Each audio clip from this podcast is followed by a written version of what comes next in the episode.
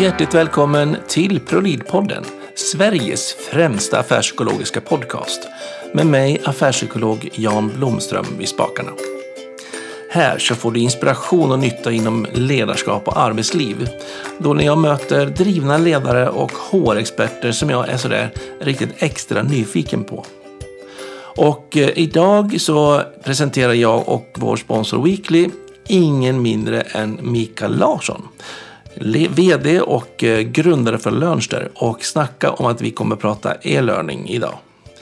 Eh, plattformar och eh, hur vi skapar kompetensförsörjning och genererar talangacceleration på många olika sätt. Ja, jag tror det kommer att få mängder av olika input till hur vi kan tänka och driva och se på kompetensutveckling framöver. Ja, innan vi kör igång så tänker jag mig att ni vet vad ni ska göra. Följ oss på sociala medier så att inte ni missar någonting framför, framöver. Eh, eller på plattformarna. Skriv gärna kommentar, omdömen, dela om ni gillar vad ni hör. Ja.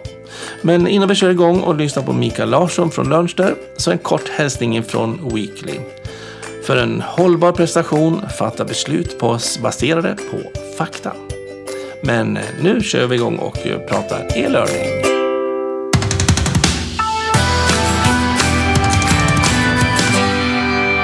Hjärtligt välkommen till ProLead-podden säger jag till Mikael Larsson. Tack så mycket, härligt att vara här. Idag ska det bli jättespännande att få djuplodas lite grann i Lönster som du är både vd på och medgrundare till. Berätta lite grann, vem är du först från början? Eh, ja, lång historia kort så började faktiskt min, min karriär digitalt får man säga faktiskt redan 1998 Eh, då jag började på ett bolag som heter Doubleclick eh, ja. som då jobbade med internetannonsering och marknadsföring. Och, och, därifrån har det väl rullat på helt enkelt. Så jag har de senaste 20 plus åren jobbat med att hjälpa traditionella affärer till att bli digitala. Ja. Eh, I olika former, egna företag men också nu senast som managing director på en internationell kommunikationsbyrå här i Stockholm. Ja. Så du så marknads... född och uppvuxen här i Stockholm också för övrigt. Så att, ja. Eh, ja. Du pratar i alla fall mer stockholmska än vad jag gör. Så, så det, det hörs att du har dina... Det är positivt men... jo det är det. Ja. Ja, jag kommer själv från... Det faktiskt häromdagen om att Gotländska och norrländska är väldigt trovärdigt men stockholmska vet tusan alltså. Nej, och jag kommer ifrån, innan jag flyttade till Gotland så bodde jag i Dalarna så att jag är egentligen dalmas. Ja, ja. Sen dalmas på rymmen på Gotland brukar jag säga. Precis. Ja, men eh, var du igång redan då när det var så modem och så då, 98? Eller hur, vad var det?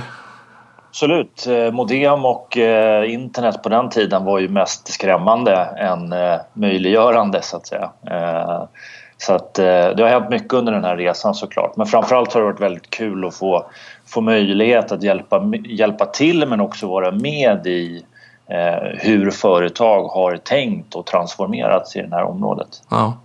En av mina första arbetsplatser som jag jobbade på så rekryterade man en person som hade jobbat inom data. Mm. Som det heter då. Eh, och, så hon fick inte igång PCn en gång. Alltså datorn på rummet knappt. Och så, men hur, hur, funkar det här? Jag har jobbat med data. Liksom. Um, ja, men det var ju så här hålkort. Så, ja, så det har ja. hänt en del saker. Absolut. Så är det. Vi hade faktiskt ett sånt riktigt serverrum där man kunde sitta och njuta av eh, alla fina servrar som arbetade. Så att, eh, ja, jag vet inte om de finns längre de där gamla rummen. Nej, i alla fall inte på var och varannan plats. Nu är det väl stora hallar i så fall. Precis. Men eh, det betyder att du har massa erfarenheter in i att hjälpa, hjälpa olika arbetsplatser att jobba kommunikativt med och jobba med digitalt överhuvudtaget helt enkelt. Mm. Hur kom det, hur vaknade idén till Lönster?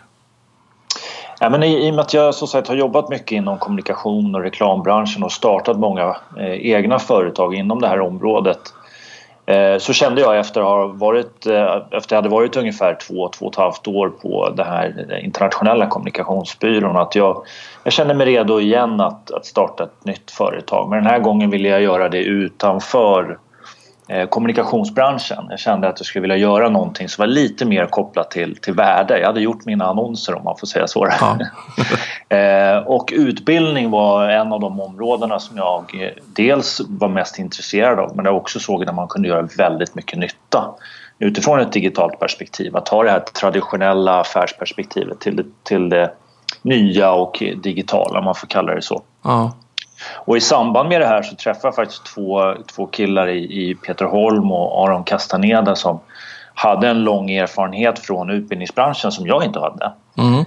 Eh, Peter har tidigare varit utbildningschef och även HR-chef på företag såsom AstraZeneca och Elekta och Aron har jobbat med att utveckla e-lärande och eh, akademier på Ericsson och IBM och så vidare. Ja.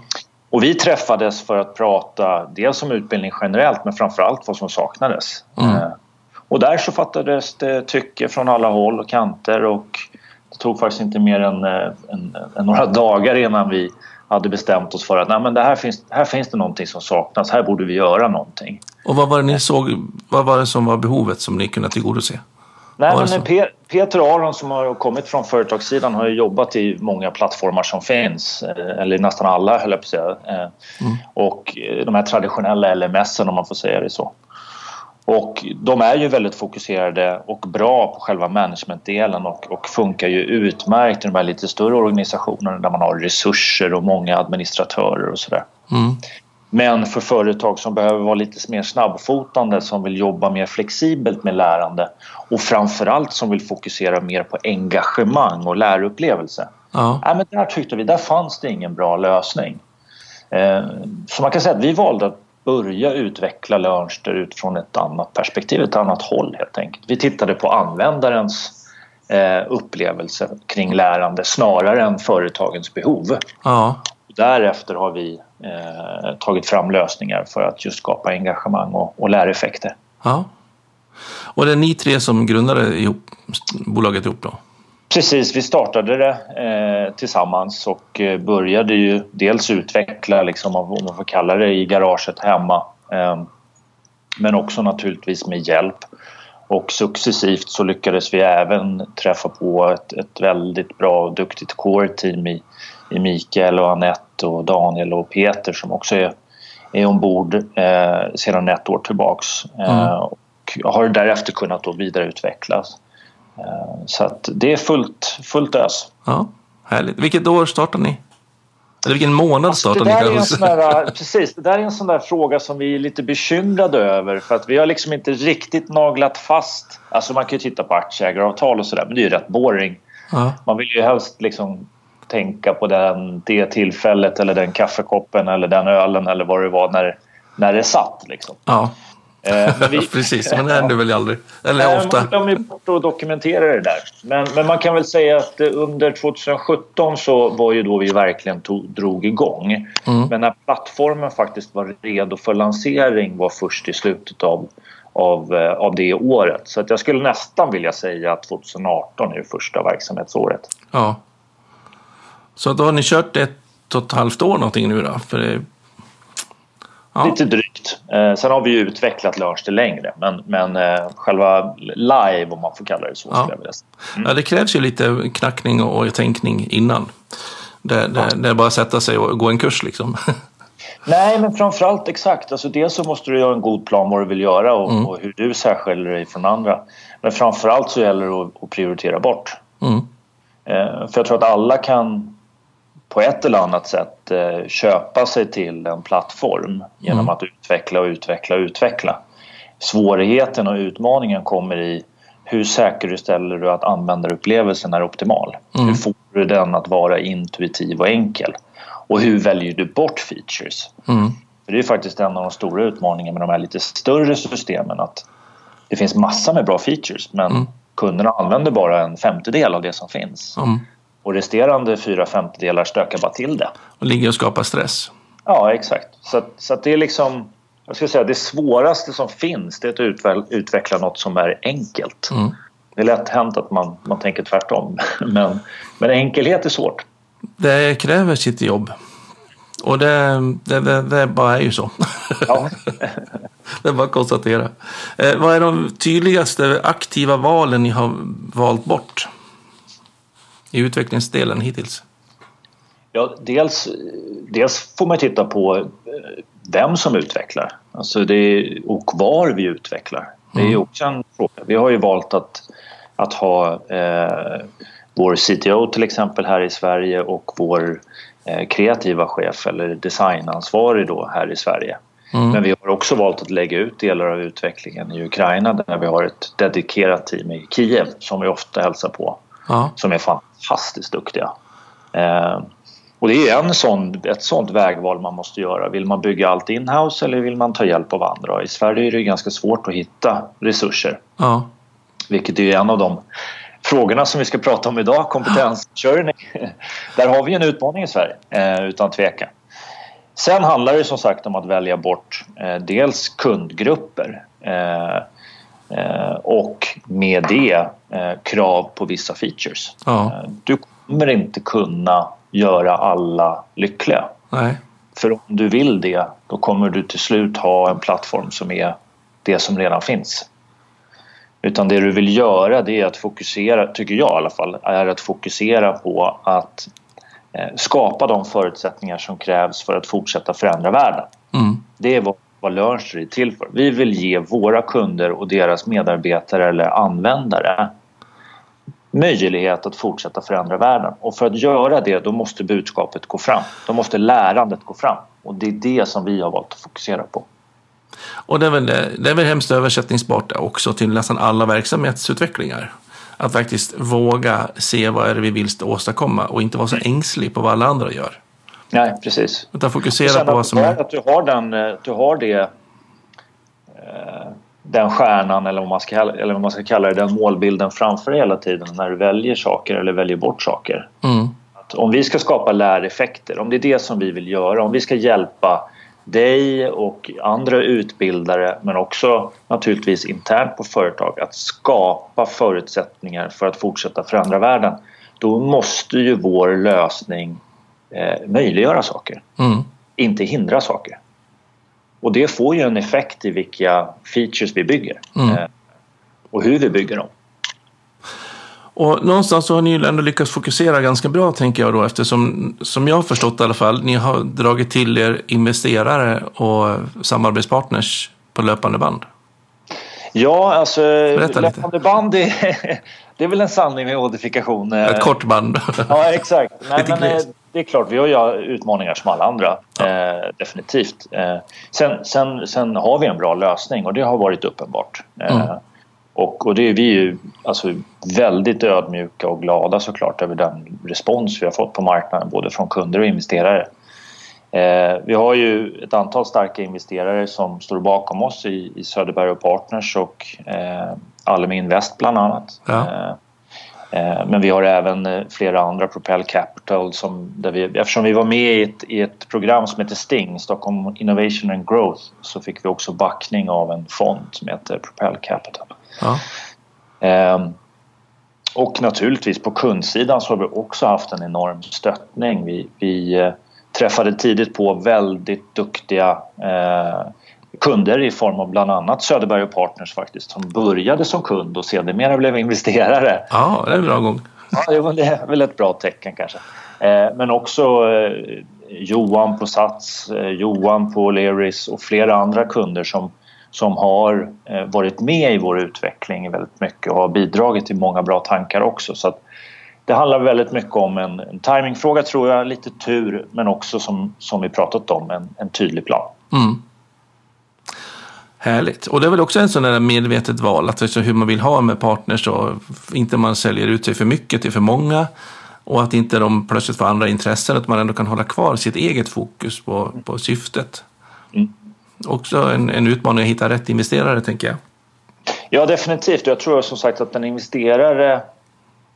Kan, jag skulle väl inte vilja säga att jag är en expert på det området så. Det finns säkert många investerare som har andra synpunkter än jag. Men för vår del i alla fall så har det varit viktigt att hitta investerare som också vill skapa nytta. Ja. Eh, det vill säga kopplat till det vi vill göra, att ge förutsättningar för att förändra världen. Mm. Eh, Och det är inte att vi nödvändigtvis ska förändra världen utan det är att de som får möjlighet att jobba genom Lörster indirekt ges förutsättningar att förändra världen. Det här måste vi göra tillsammans med våra kunder, tillsammans med våra användare mm. men också tillsammans med våra investerare. Eh, så än en gång, det handlar väldigt mycket om, tror jag, att ha en klar bild vad man vill göra. Den kan naturligtvis förändras under resans gång, för man har ju inte facit.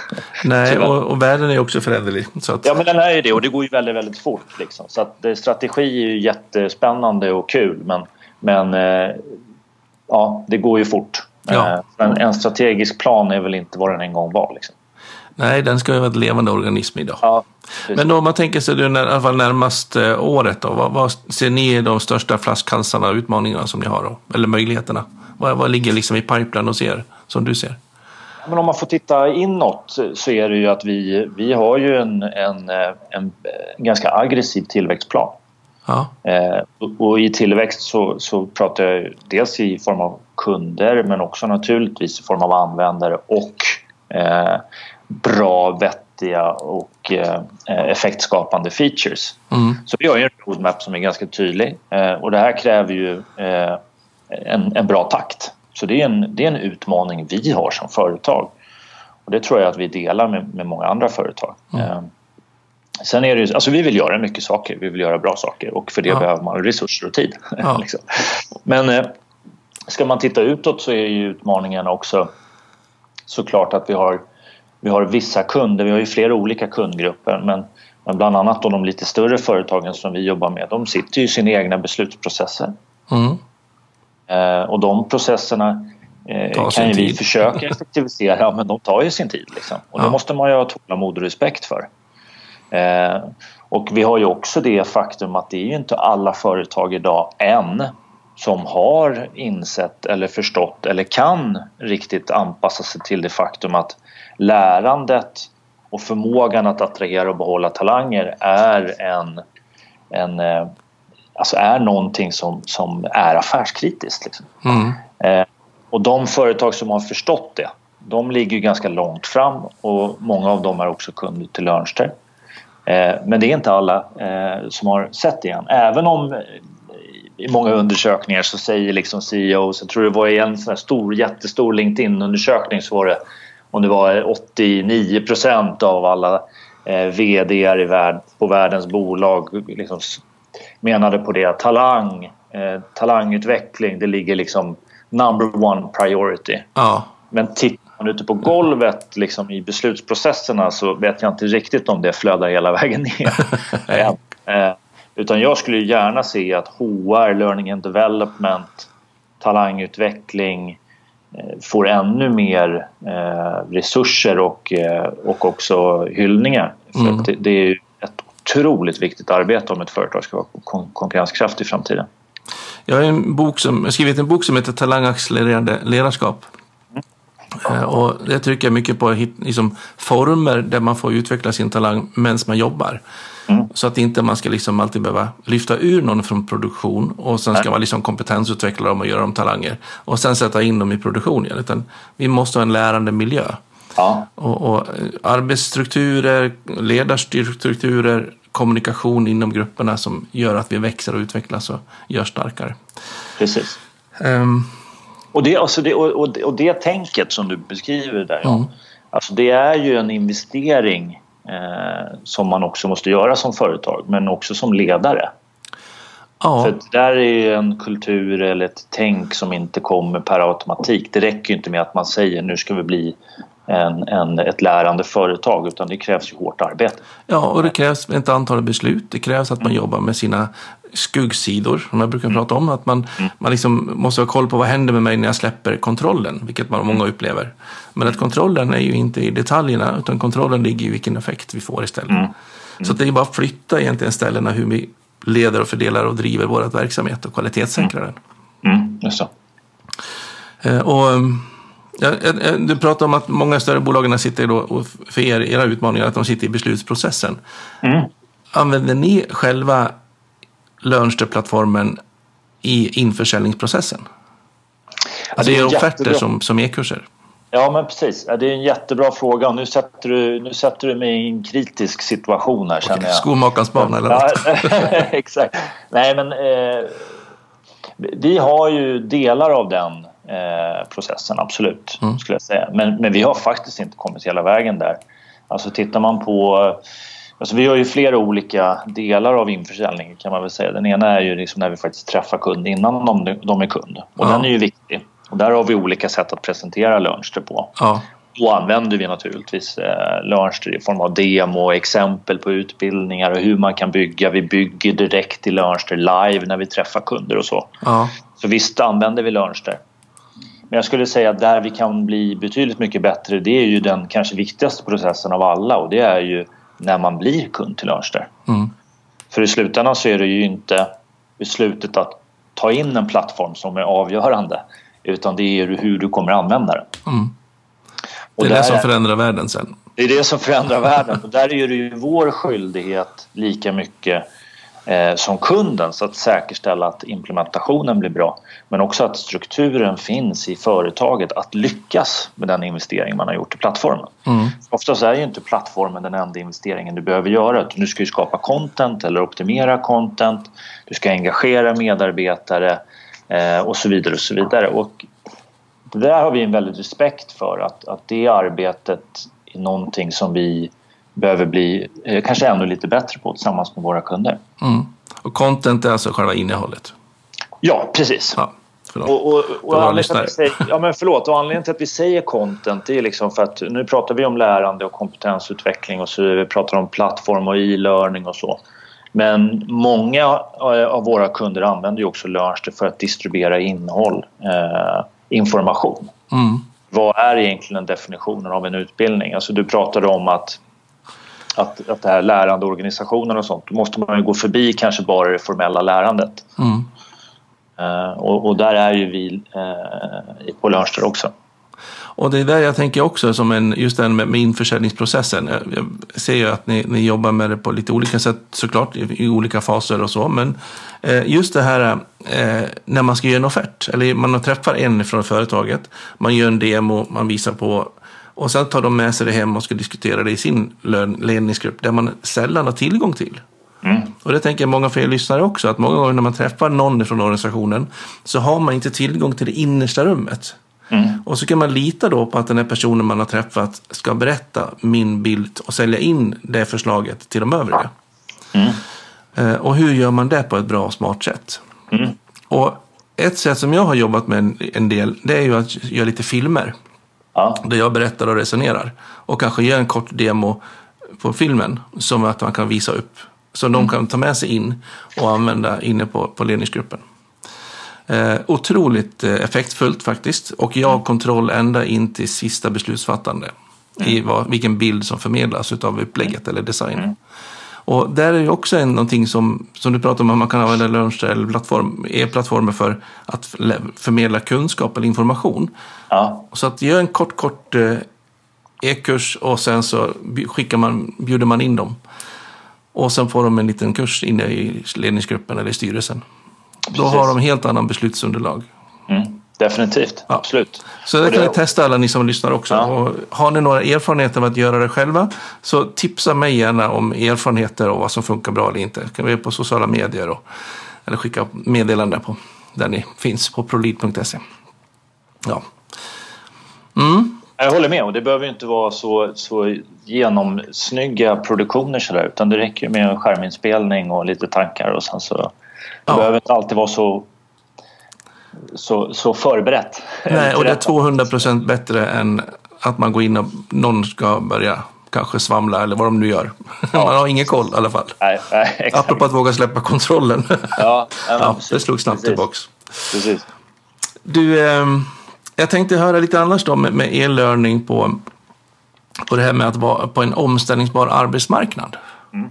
Det är ju snabb, eller snabb, sen behoven. Du har ju pratat om att ni outsourcar en del av era utvecklingsresurser utomlands eh, för att marknaden inte, eller kunskapen finns inte.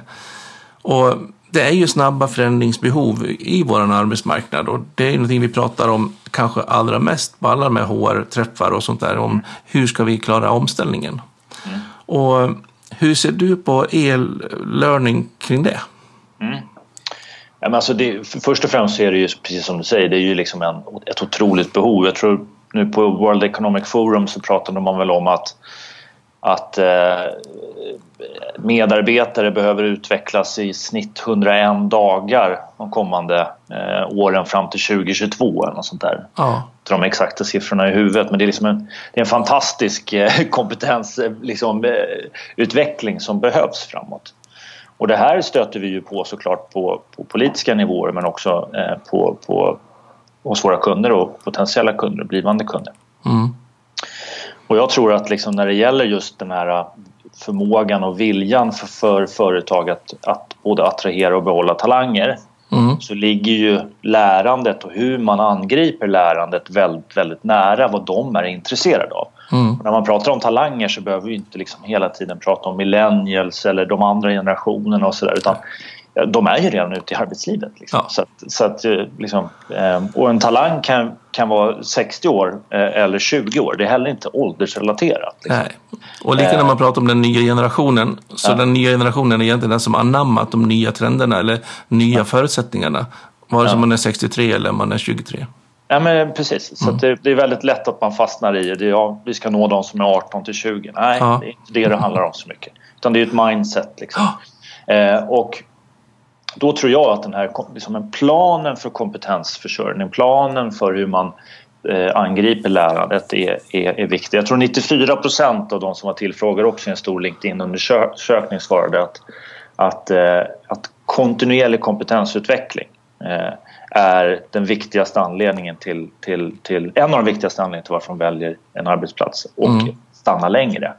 Så liksom om, om, man kan säkerställa att de stannar längre då blir det bättre return of investment på allt från rekrytering till liksom, eh, onboarding och allt vad det må vara. Ja. Och, och, i det där så, så spelar ju eh, e-lärandet och e-learning en viktig roll. Mm.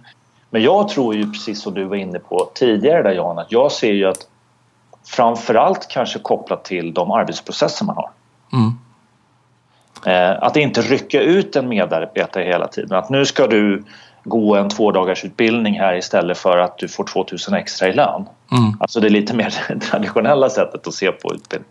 Utan att snarare så här, vilka stöd behöver du i din dagliga verksamhet? Eh, ja. För att kunna ska, dels utvecklas men också naturligtvis göra uppgifterna ännu mer effektivt och bättre. Precis. Eh, det här adaptiva lärandet och där tror jag att e-lärandet kan spela en otroligt viktig del. Och, och där tänker jag också att vad behöver jag för att jag ska utvecklas? Nej, kanske inte, utan mer vad är det vi behöver göra för att för, förbättra våran värld? Alltså vad är vårat mm. VM-guld eller vad är våran liksom mm. framgång? Mm. För de som är talangfulla, de är ju inte där för att bara utvecklas själv. Mm. Faktiskt, tycker jag. I alla fall inte min erfarenhet. Utan mm. man är ju där för att vilja skapa skillnad på den arbetsplatsen. Mm. Och då behöver man ju också utvecklas i linje mot måluppfyllelsen. Så den, den vinklingen tycker jag är ganska viktig när man ställer den frågan. Alltså, vad behöver du för att göra ett bättre jobb? Inte vad behöver du för att utvecklas? För då kan man gå en drejkurs eller något annat som man inte alls har nytta men det ska vara kul. Liksom.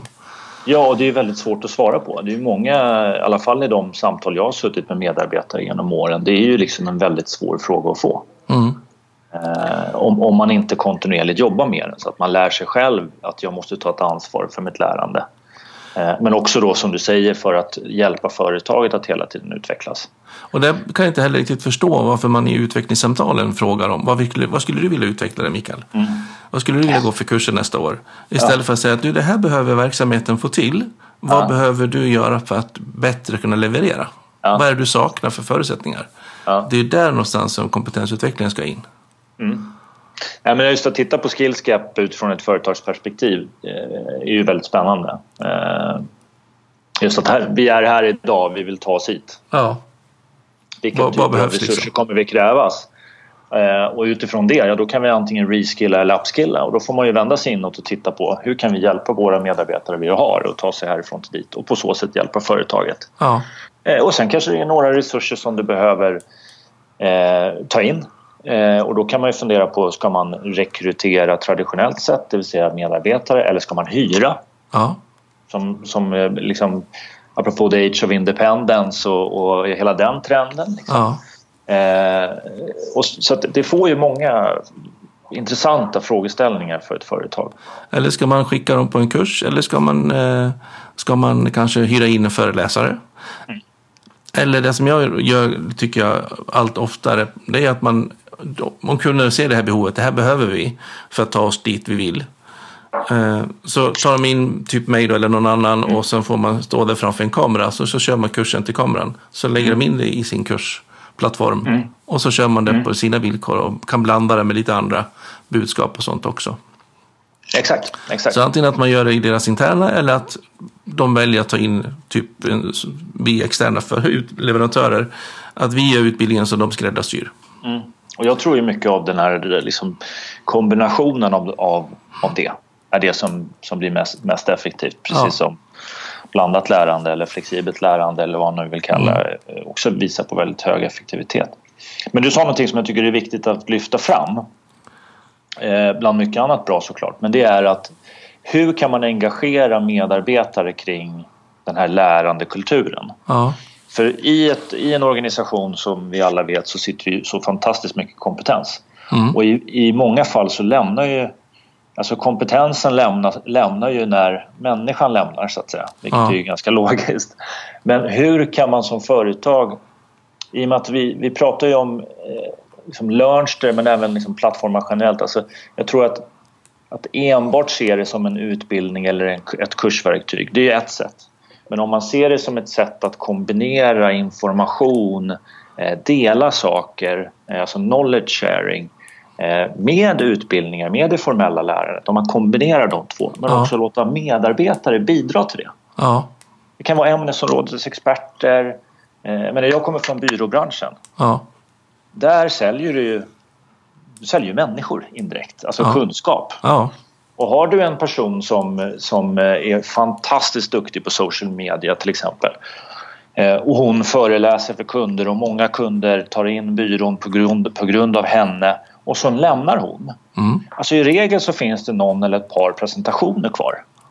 Alltså ingen, ingen, vet vad man skulle säga till dem. Som ingen vet vad som skulle... Men vad hade hänt om hon hade drivit ett lärande internt? Vad hade, hon, vad hade hänt om hon under sin tid på byrån hade skapat innehåll, mm. distribuerat innehåll, faciliterat innehåll och diskussioner ja. via till exempel en digital plattform. Kanske att det värdet hon hade skapat under den, hennes tid på det företaget hade varit ännu lite högre. Mm. Och det där är frågor som vi tittar väldigt mycket på som jag tycker är otroligt spännande. Att kombinera så att säga, det formella med det informella. Verkligen. Och jag tänker också för alla enmanskonsulter och sånt där som, som mm. finns i landet och kör lite utbildningar här och var och så. Mm. Eh, det är också ett sätt att både kunna skala upp sin egen verksamhet såklart i, mm. i volym men framförallt att bygga ett värde. Ja. Alltså hur bygger man värde i småföretag? Eh, och de finns ju i alla fall runt där och det är jättesvårt för att när man blir för gammal och går i pension så, så lägger man bara ner firman. Mm. Och där har man en otrolig möjlighet att bygga upp en, en kunskapsplattform med de här digitala plattformarna och göra verkligen kunskapen kvar, att säljbar. Precis, absolut. Så absolut. det är också ett sätt att verkligen hålla kvar kompetens. Mm. Så kompetensen är ju så många nivåer liksom och verkligen ja. nyanser i den. Exakt, definitivt, håller med. Hur märker du av att man eh, ser på e-learning och, och miljön och miljödebatten som råder? Ja, men vi stöter på den absolut och jag menar, det är klart att, att eh, kan vi minimera eh, resandet bland annat, det är ju bara ett exempel. Mm. Väldigt enkelt exempel kanske, så, så, såklart får det en påverkan på miljön. Eh, så e-lärandet eh, kan ju naturligtvis spela in där. Men är det liksom ett argument liksom, när man tänker så? Det är väl kanske inte ett argument som vi stöter på, eh, alltså som vi använder som plattform om man får kalla så utifrån ett Learnster-perspektiv. Men det är definitivt ett argument som många företag använder sig om internt. Ja. Eh, för det är klart att eh, många och allt fler företag får ju miljömål och, eller miljökrav och eh, då kan ju resandet vara ett sätt att, att nå upp till dem. Mm. Och ibland reser man ju faktiskt i utbildningssyfte. Eh, så att då kan det ju också vara värt att fundera på hur kan vi effektivisera det. Mm. Ja, spännande.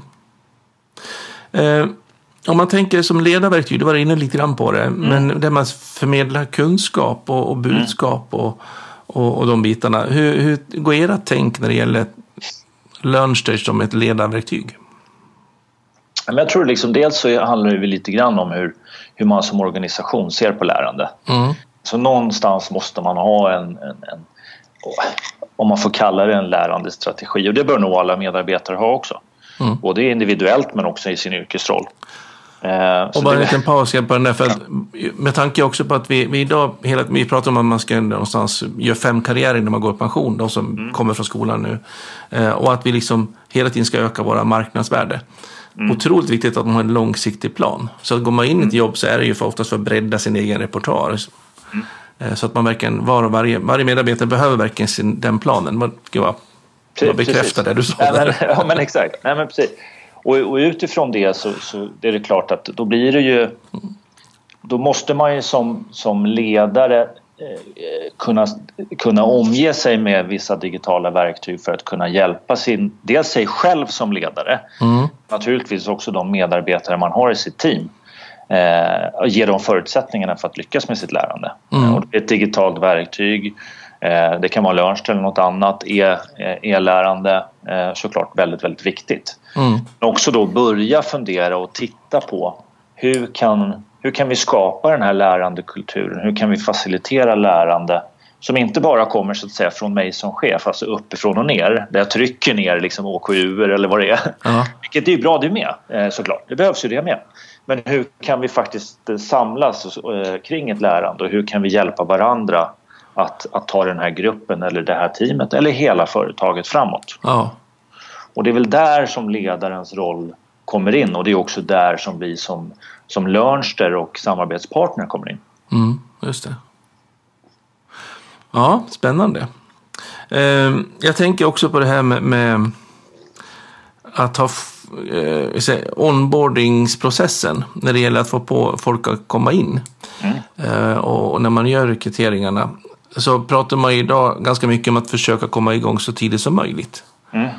Eh, och där borde det också verkligen vara ett, ett bra verktyg att kunna liksom göra så att introduktionen kan påbörjas innan de börjar påbörja jobbet. Absolut. Eh, vi har många kunder som jobbar med LearnStep på det sättet. Ja. Eh, att man tittar till och med kanske även på preboarding, det vill säga att innan, innan du har en medarbetare som har kommit in i, din, i ditt lönesystem eller HR-system ja. kanske fortfarande har en Hotmail eller Google-adress eller vad det nu må vara, men redan då faktiskt börja Eh, med själva preboardingprocessen. För att dels den här efterköpkänslan om man får prata sälj, det är ju lika stark hos en medarbetare idag. Mm. Alltså numera skulle jag vilja säga att det är inte vi som väljer medarbetarna, det är ju medarbetarna som väljer oss. Ja, verkligen. I stor utsträckning mm. och då måste vi ju ge dem en känsla av att du har valt rätt. Ja. Grattis! Liksom. Eh, och tack! Eh, vad roligt det ska bli att få samarbeta. Och de har ju ofta sökt och jobbat ganska mycket innan de ens kommer till intervjun. Genom att kolla runt vilka de vill komma till, vilka är intressanta, vilka matchar deras egen plan och egen profil. Precis. Kommer Absolut. på intervjun, får erbjuden jobbet, skriver under så ska dammluckan ja. slå igen tills tre månader tills jag ska börja. Nej men precis, är det Snacka helt tyst då så, nej men det blir lite så, eller hur? Ja. liksom.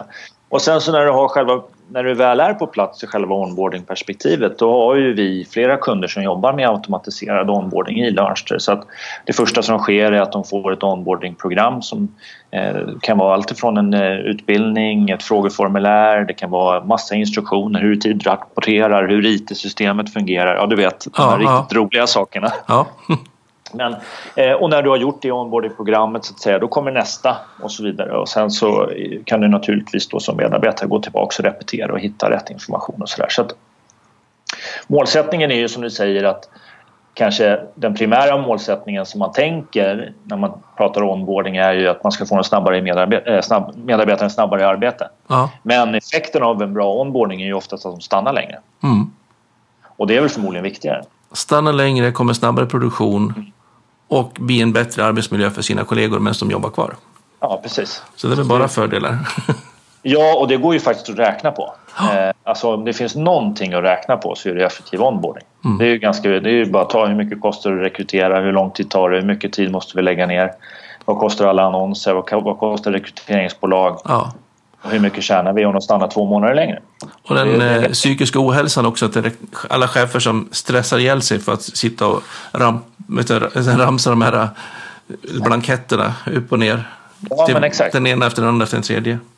Precis. Förr i tiden så, så hade man ju en personal ganska länge och då behöver man inte göra det så ofta. Men idag när det blir en högre omsättning så, så blir det himla stor del av arbetstiden som går åt till just de där grejerna för en chef. Ja, precis. Om inte man då outsourcar det ner till gruppen så att det är teamet som håller i mycket. Ja, Men du, eh, det finns ju jättemånga möjligheter och användningsområden. Och för er som lyssnar som jobbar också med, med, med plattformar så här, eller med Lönster, så eh, har ni säkert ännu fler exempel på vad man kan använda. Men jag tänker när man sitter där som ledning och har tagit in ett e-plattform för att jobba med, eller om man är som konsult och ska liksom ta in och ska, eller en utbildare och vill jobba med det och sälja utbildningar och så. Har du några bra grundtips? Är man grundare så då har du säkert den superdetaljkollen, tänker jag. ja men absolut. Nej, men jag. Nej, men så. Nej, men dels är det ju så att ju, vi är ju av den åsikten, rätt eller fel, att en, att, eh, att en plattform måste kunna stödja ett flexibelt lärande. Mm. Eh, E-lärandet är en viktig beståndsdel i det, i det blandade lärandet eller flexibla lärandet.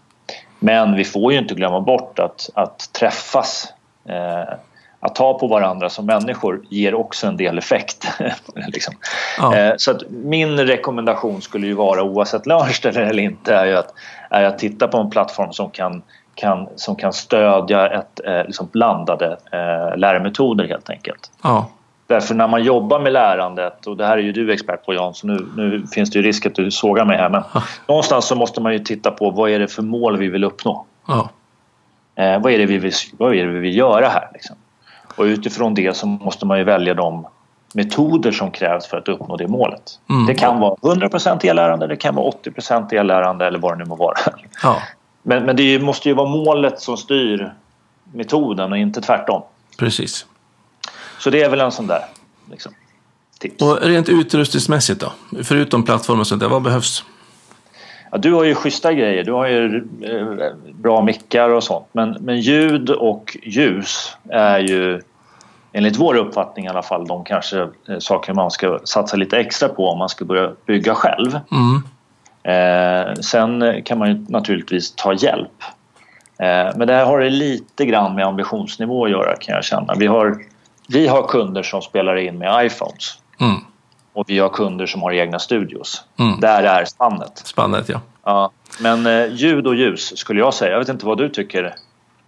Eh, Alltså, ja, det tycker jag nog också. En, en, en bra skap, alltså en skaplig mick som man kan få för ett par tusen. Ehm, Men, eh, och sen en bra ljus. Men det behöver verkar inte vara så krångligt. Och Nej. em, iPhone som du nämner, eller någon annan sån smartphone, eh, funkar faktiskt alldeles ypperligt att spela in med. Men gärna ett stativ så att bilden står still. Det Ja. tycker jag är nästan viktigast, ett stativ. För då, Ja. då är bilden lite still, annars så blir man ju åksjuk när man tittar på. ja, Sen kan man ju med fördel titta med näsan emot ett fönster. Om, för då får man alltid bra ljus. om det. inte solen skiner rakt in. Men så att man har ljuset rakt in mot ansiktet. För det har jag sett flera som då sitter, står framför ett fönster och filmar så man ser jättedålig skugga bara. ja, ja, ja. Så står man med näsan emot och har kameran framför fönstret och tittar mot, ut genom fönstret där man pratar. Då får man alltid det bra ljus. Man behöver inte köpa en lampa om inte man vill. Nej. Och sen kan man gärna tänka på att hänga någon typ av skärm bakom. Eller skynke eller stå mot en vägg som är enhetlig eller någonting sånt där. Så att inte man ser in i, i de inre stökiga dammiga hyllorna eller vad det kan vara. Nej, precis. Då kommer man jättelångt. För jag upplever att man, eh, man har liksom alldeles för höga ambitioner eller för höga krav så att det blir så hög tröskel. Mm. Och man kommer jättelångt med stå framför fönstret med mobilkamera men på ett stativ eller ställ den på en, en luta den mot en trave med böcker eller någonting. Ja, Och sen kan man med fördel ha ett vanligt eh, headset som man använder till vad jag pratar i. Mm. Och ha det som mick. För den är ganska bra för den är alltid distans, samma avstånd ifrån munnen. just det. Så det brukar vara en bra grej. Skallstall på den så det kommer en bit från kameran bara. Då kommer man långt. Så att det, det finns ingen ursäkt rent utrustningsmässigt i alla fall för, för att börja. Så gör det, alla som lyssnar. Är jättebra tips. Ja, jag tror också att någonstans liksom så att det här med att det ska vara så fint till, och tillrättalagt, det gör ju att eh, Jag har inga, inga bevis eller siffror på det men jag tror liksom att en av anledningarna till varför det går bra för många influencers och så vidare är ju för att de är sig själva. Ja. I alla fall tidigare. Nu kanske det börjar bli lite mer tillrättalagt men, men alltså det, det är det, det, det, når fram därför att det är budskapet som är i fokus, inte hur bra produktionen är. Nej, för det ska vara autentiskt. Ja, precis. Det är, inte, det är liksom nästan det viktigaste idag. produktion vi pratar om. Liksom. Nej. Och sen också det här med att det är så pass föränderligt. Hellre liksom spela in en filmsnutt, säg någonting och sen nästa vecka eller nästa månad gör en ny filmsnutt med en lite lätt uppdaterad innehåll. Mm. För att saker är också föränderligt. Så man lägger allt krut på en studio med, med kameramän och och allt. Och sen så blir det liksom gammalt sen. Nej. Så det är färskvara. Ja, spännande. Eh, vilken resa ni är inne i. Det ska bli jättespännande att följa utvecklingen vidare framöver. Tack, eh, det, detsamma. Eh, och roligt att få samarbeta med dig Jan. Ja, för det är ju också, jag är ju, har mina flyttat till Lörnster med mina e-kurser. Så att, ehm, ja. Och då är det sambandet som jag säger, fasiken, det vill jag höra lite mer hur ni tänker. Och det är ju som, jag är grunden för, för podden också med Prolidpodden. Att det är folk som är lite extra nyfikna på. Som ja. jag har som gäster och då passar det ju bättre. In, inte Här. bättre än att vi, vi ses så här. Härligt. Tusen tack att du var med. Och eh, om man vill komma i kontakt med dig och Lönster, hur gör man då? Då går man in på lernster.se eller lernster.com, vilket man föredrar. Och, eh, där kan man faktiskt direkt boka en demo om man vill det. Ja. Eh, annars så finns mina kontaktuppgifter där, både mejl och eh, mobilnummer. Och man är varmt välkommen att, eh, att ringa och höra av sig. Jag pratar gärna. Suveränt. Mm. Tusen tack och ha en bra tack dag själv. vidare. Fint. Detsamma. Hej. Hej. hej.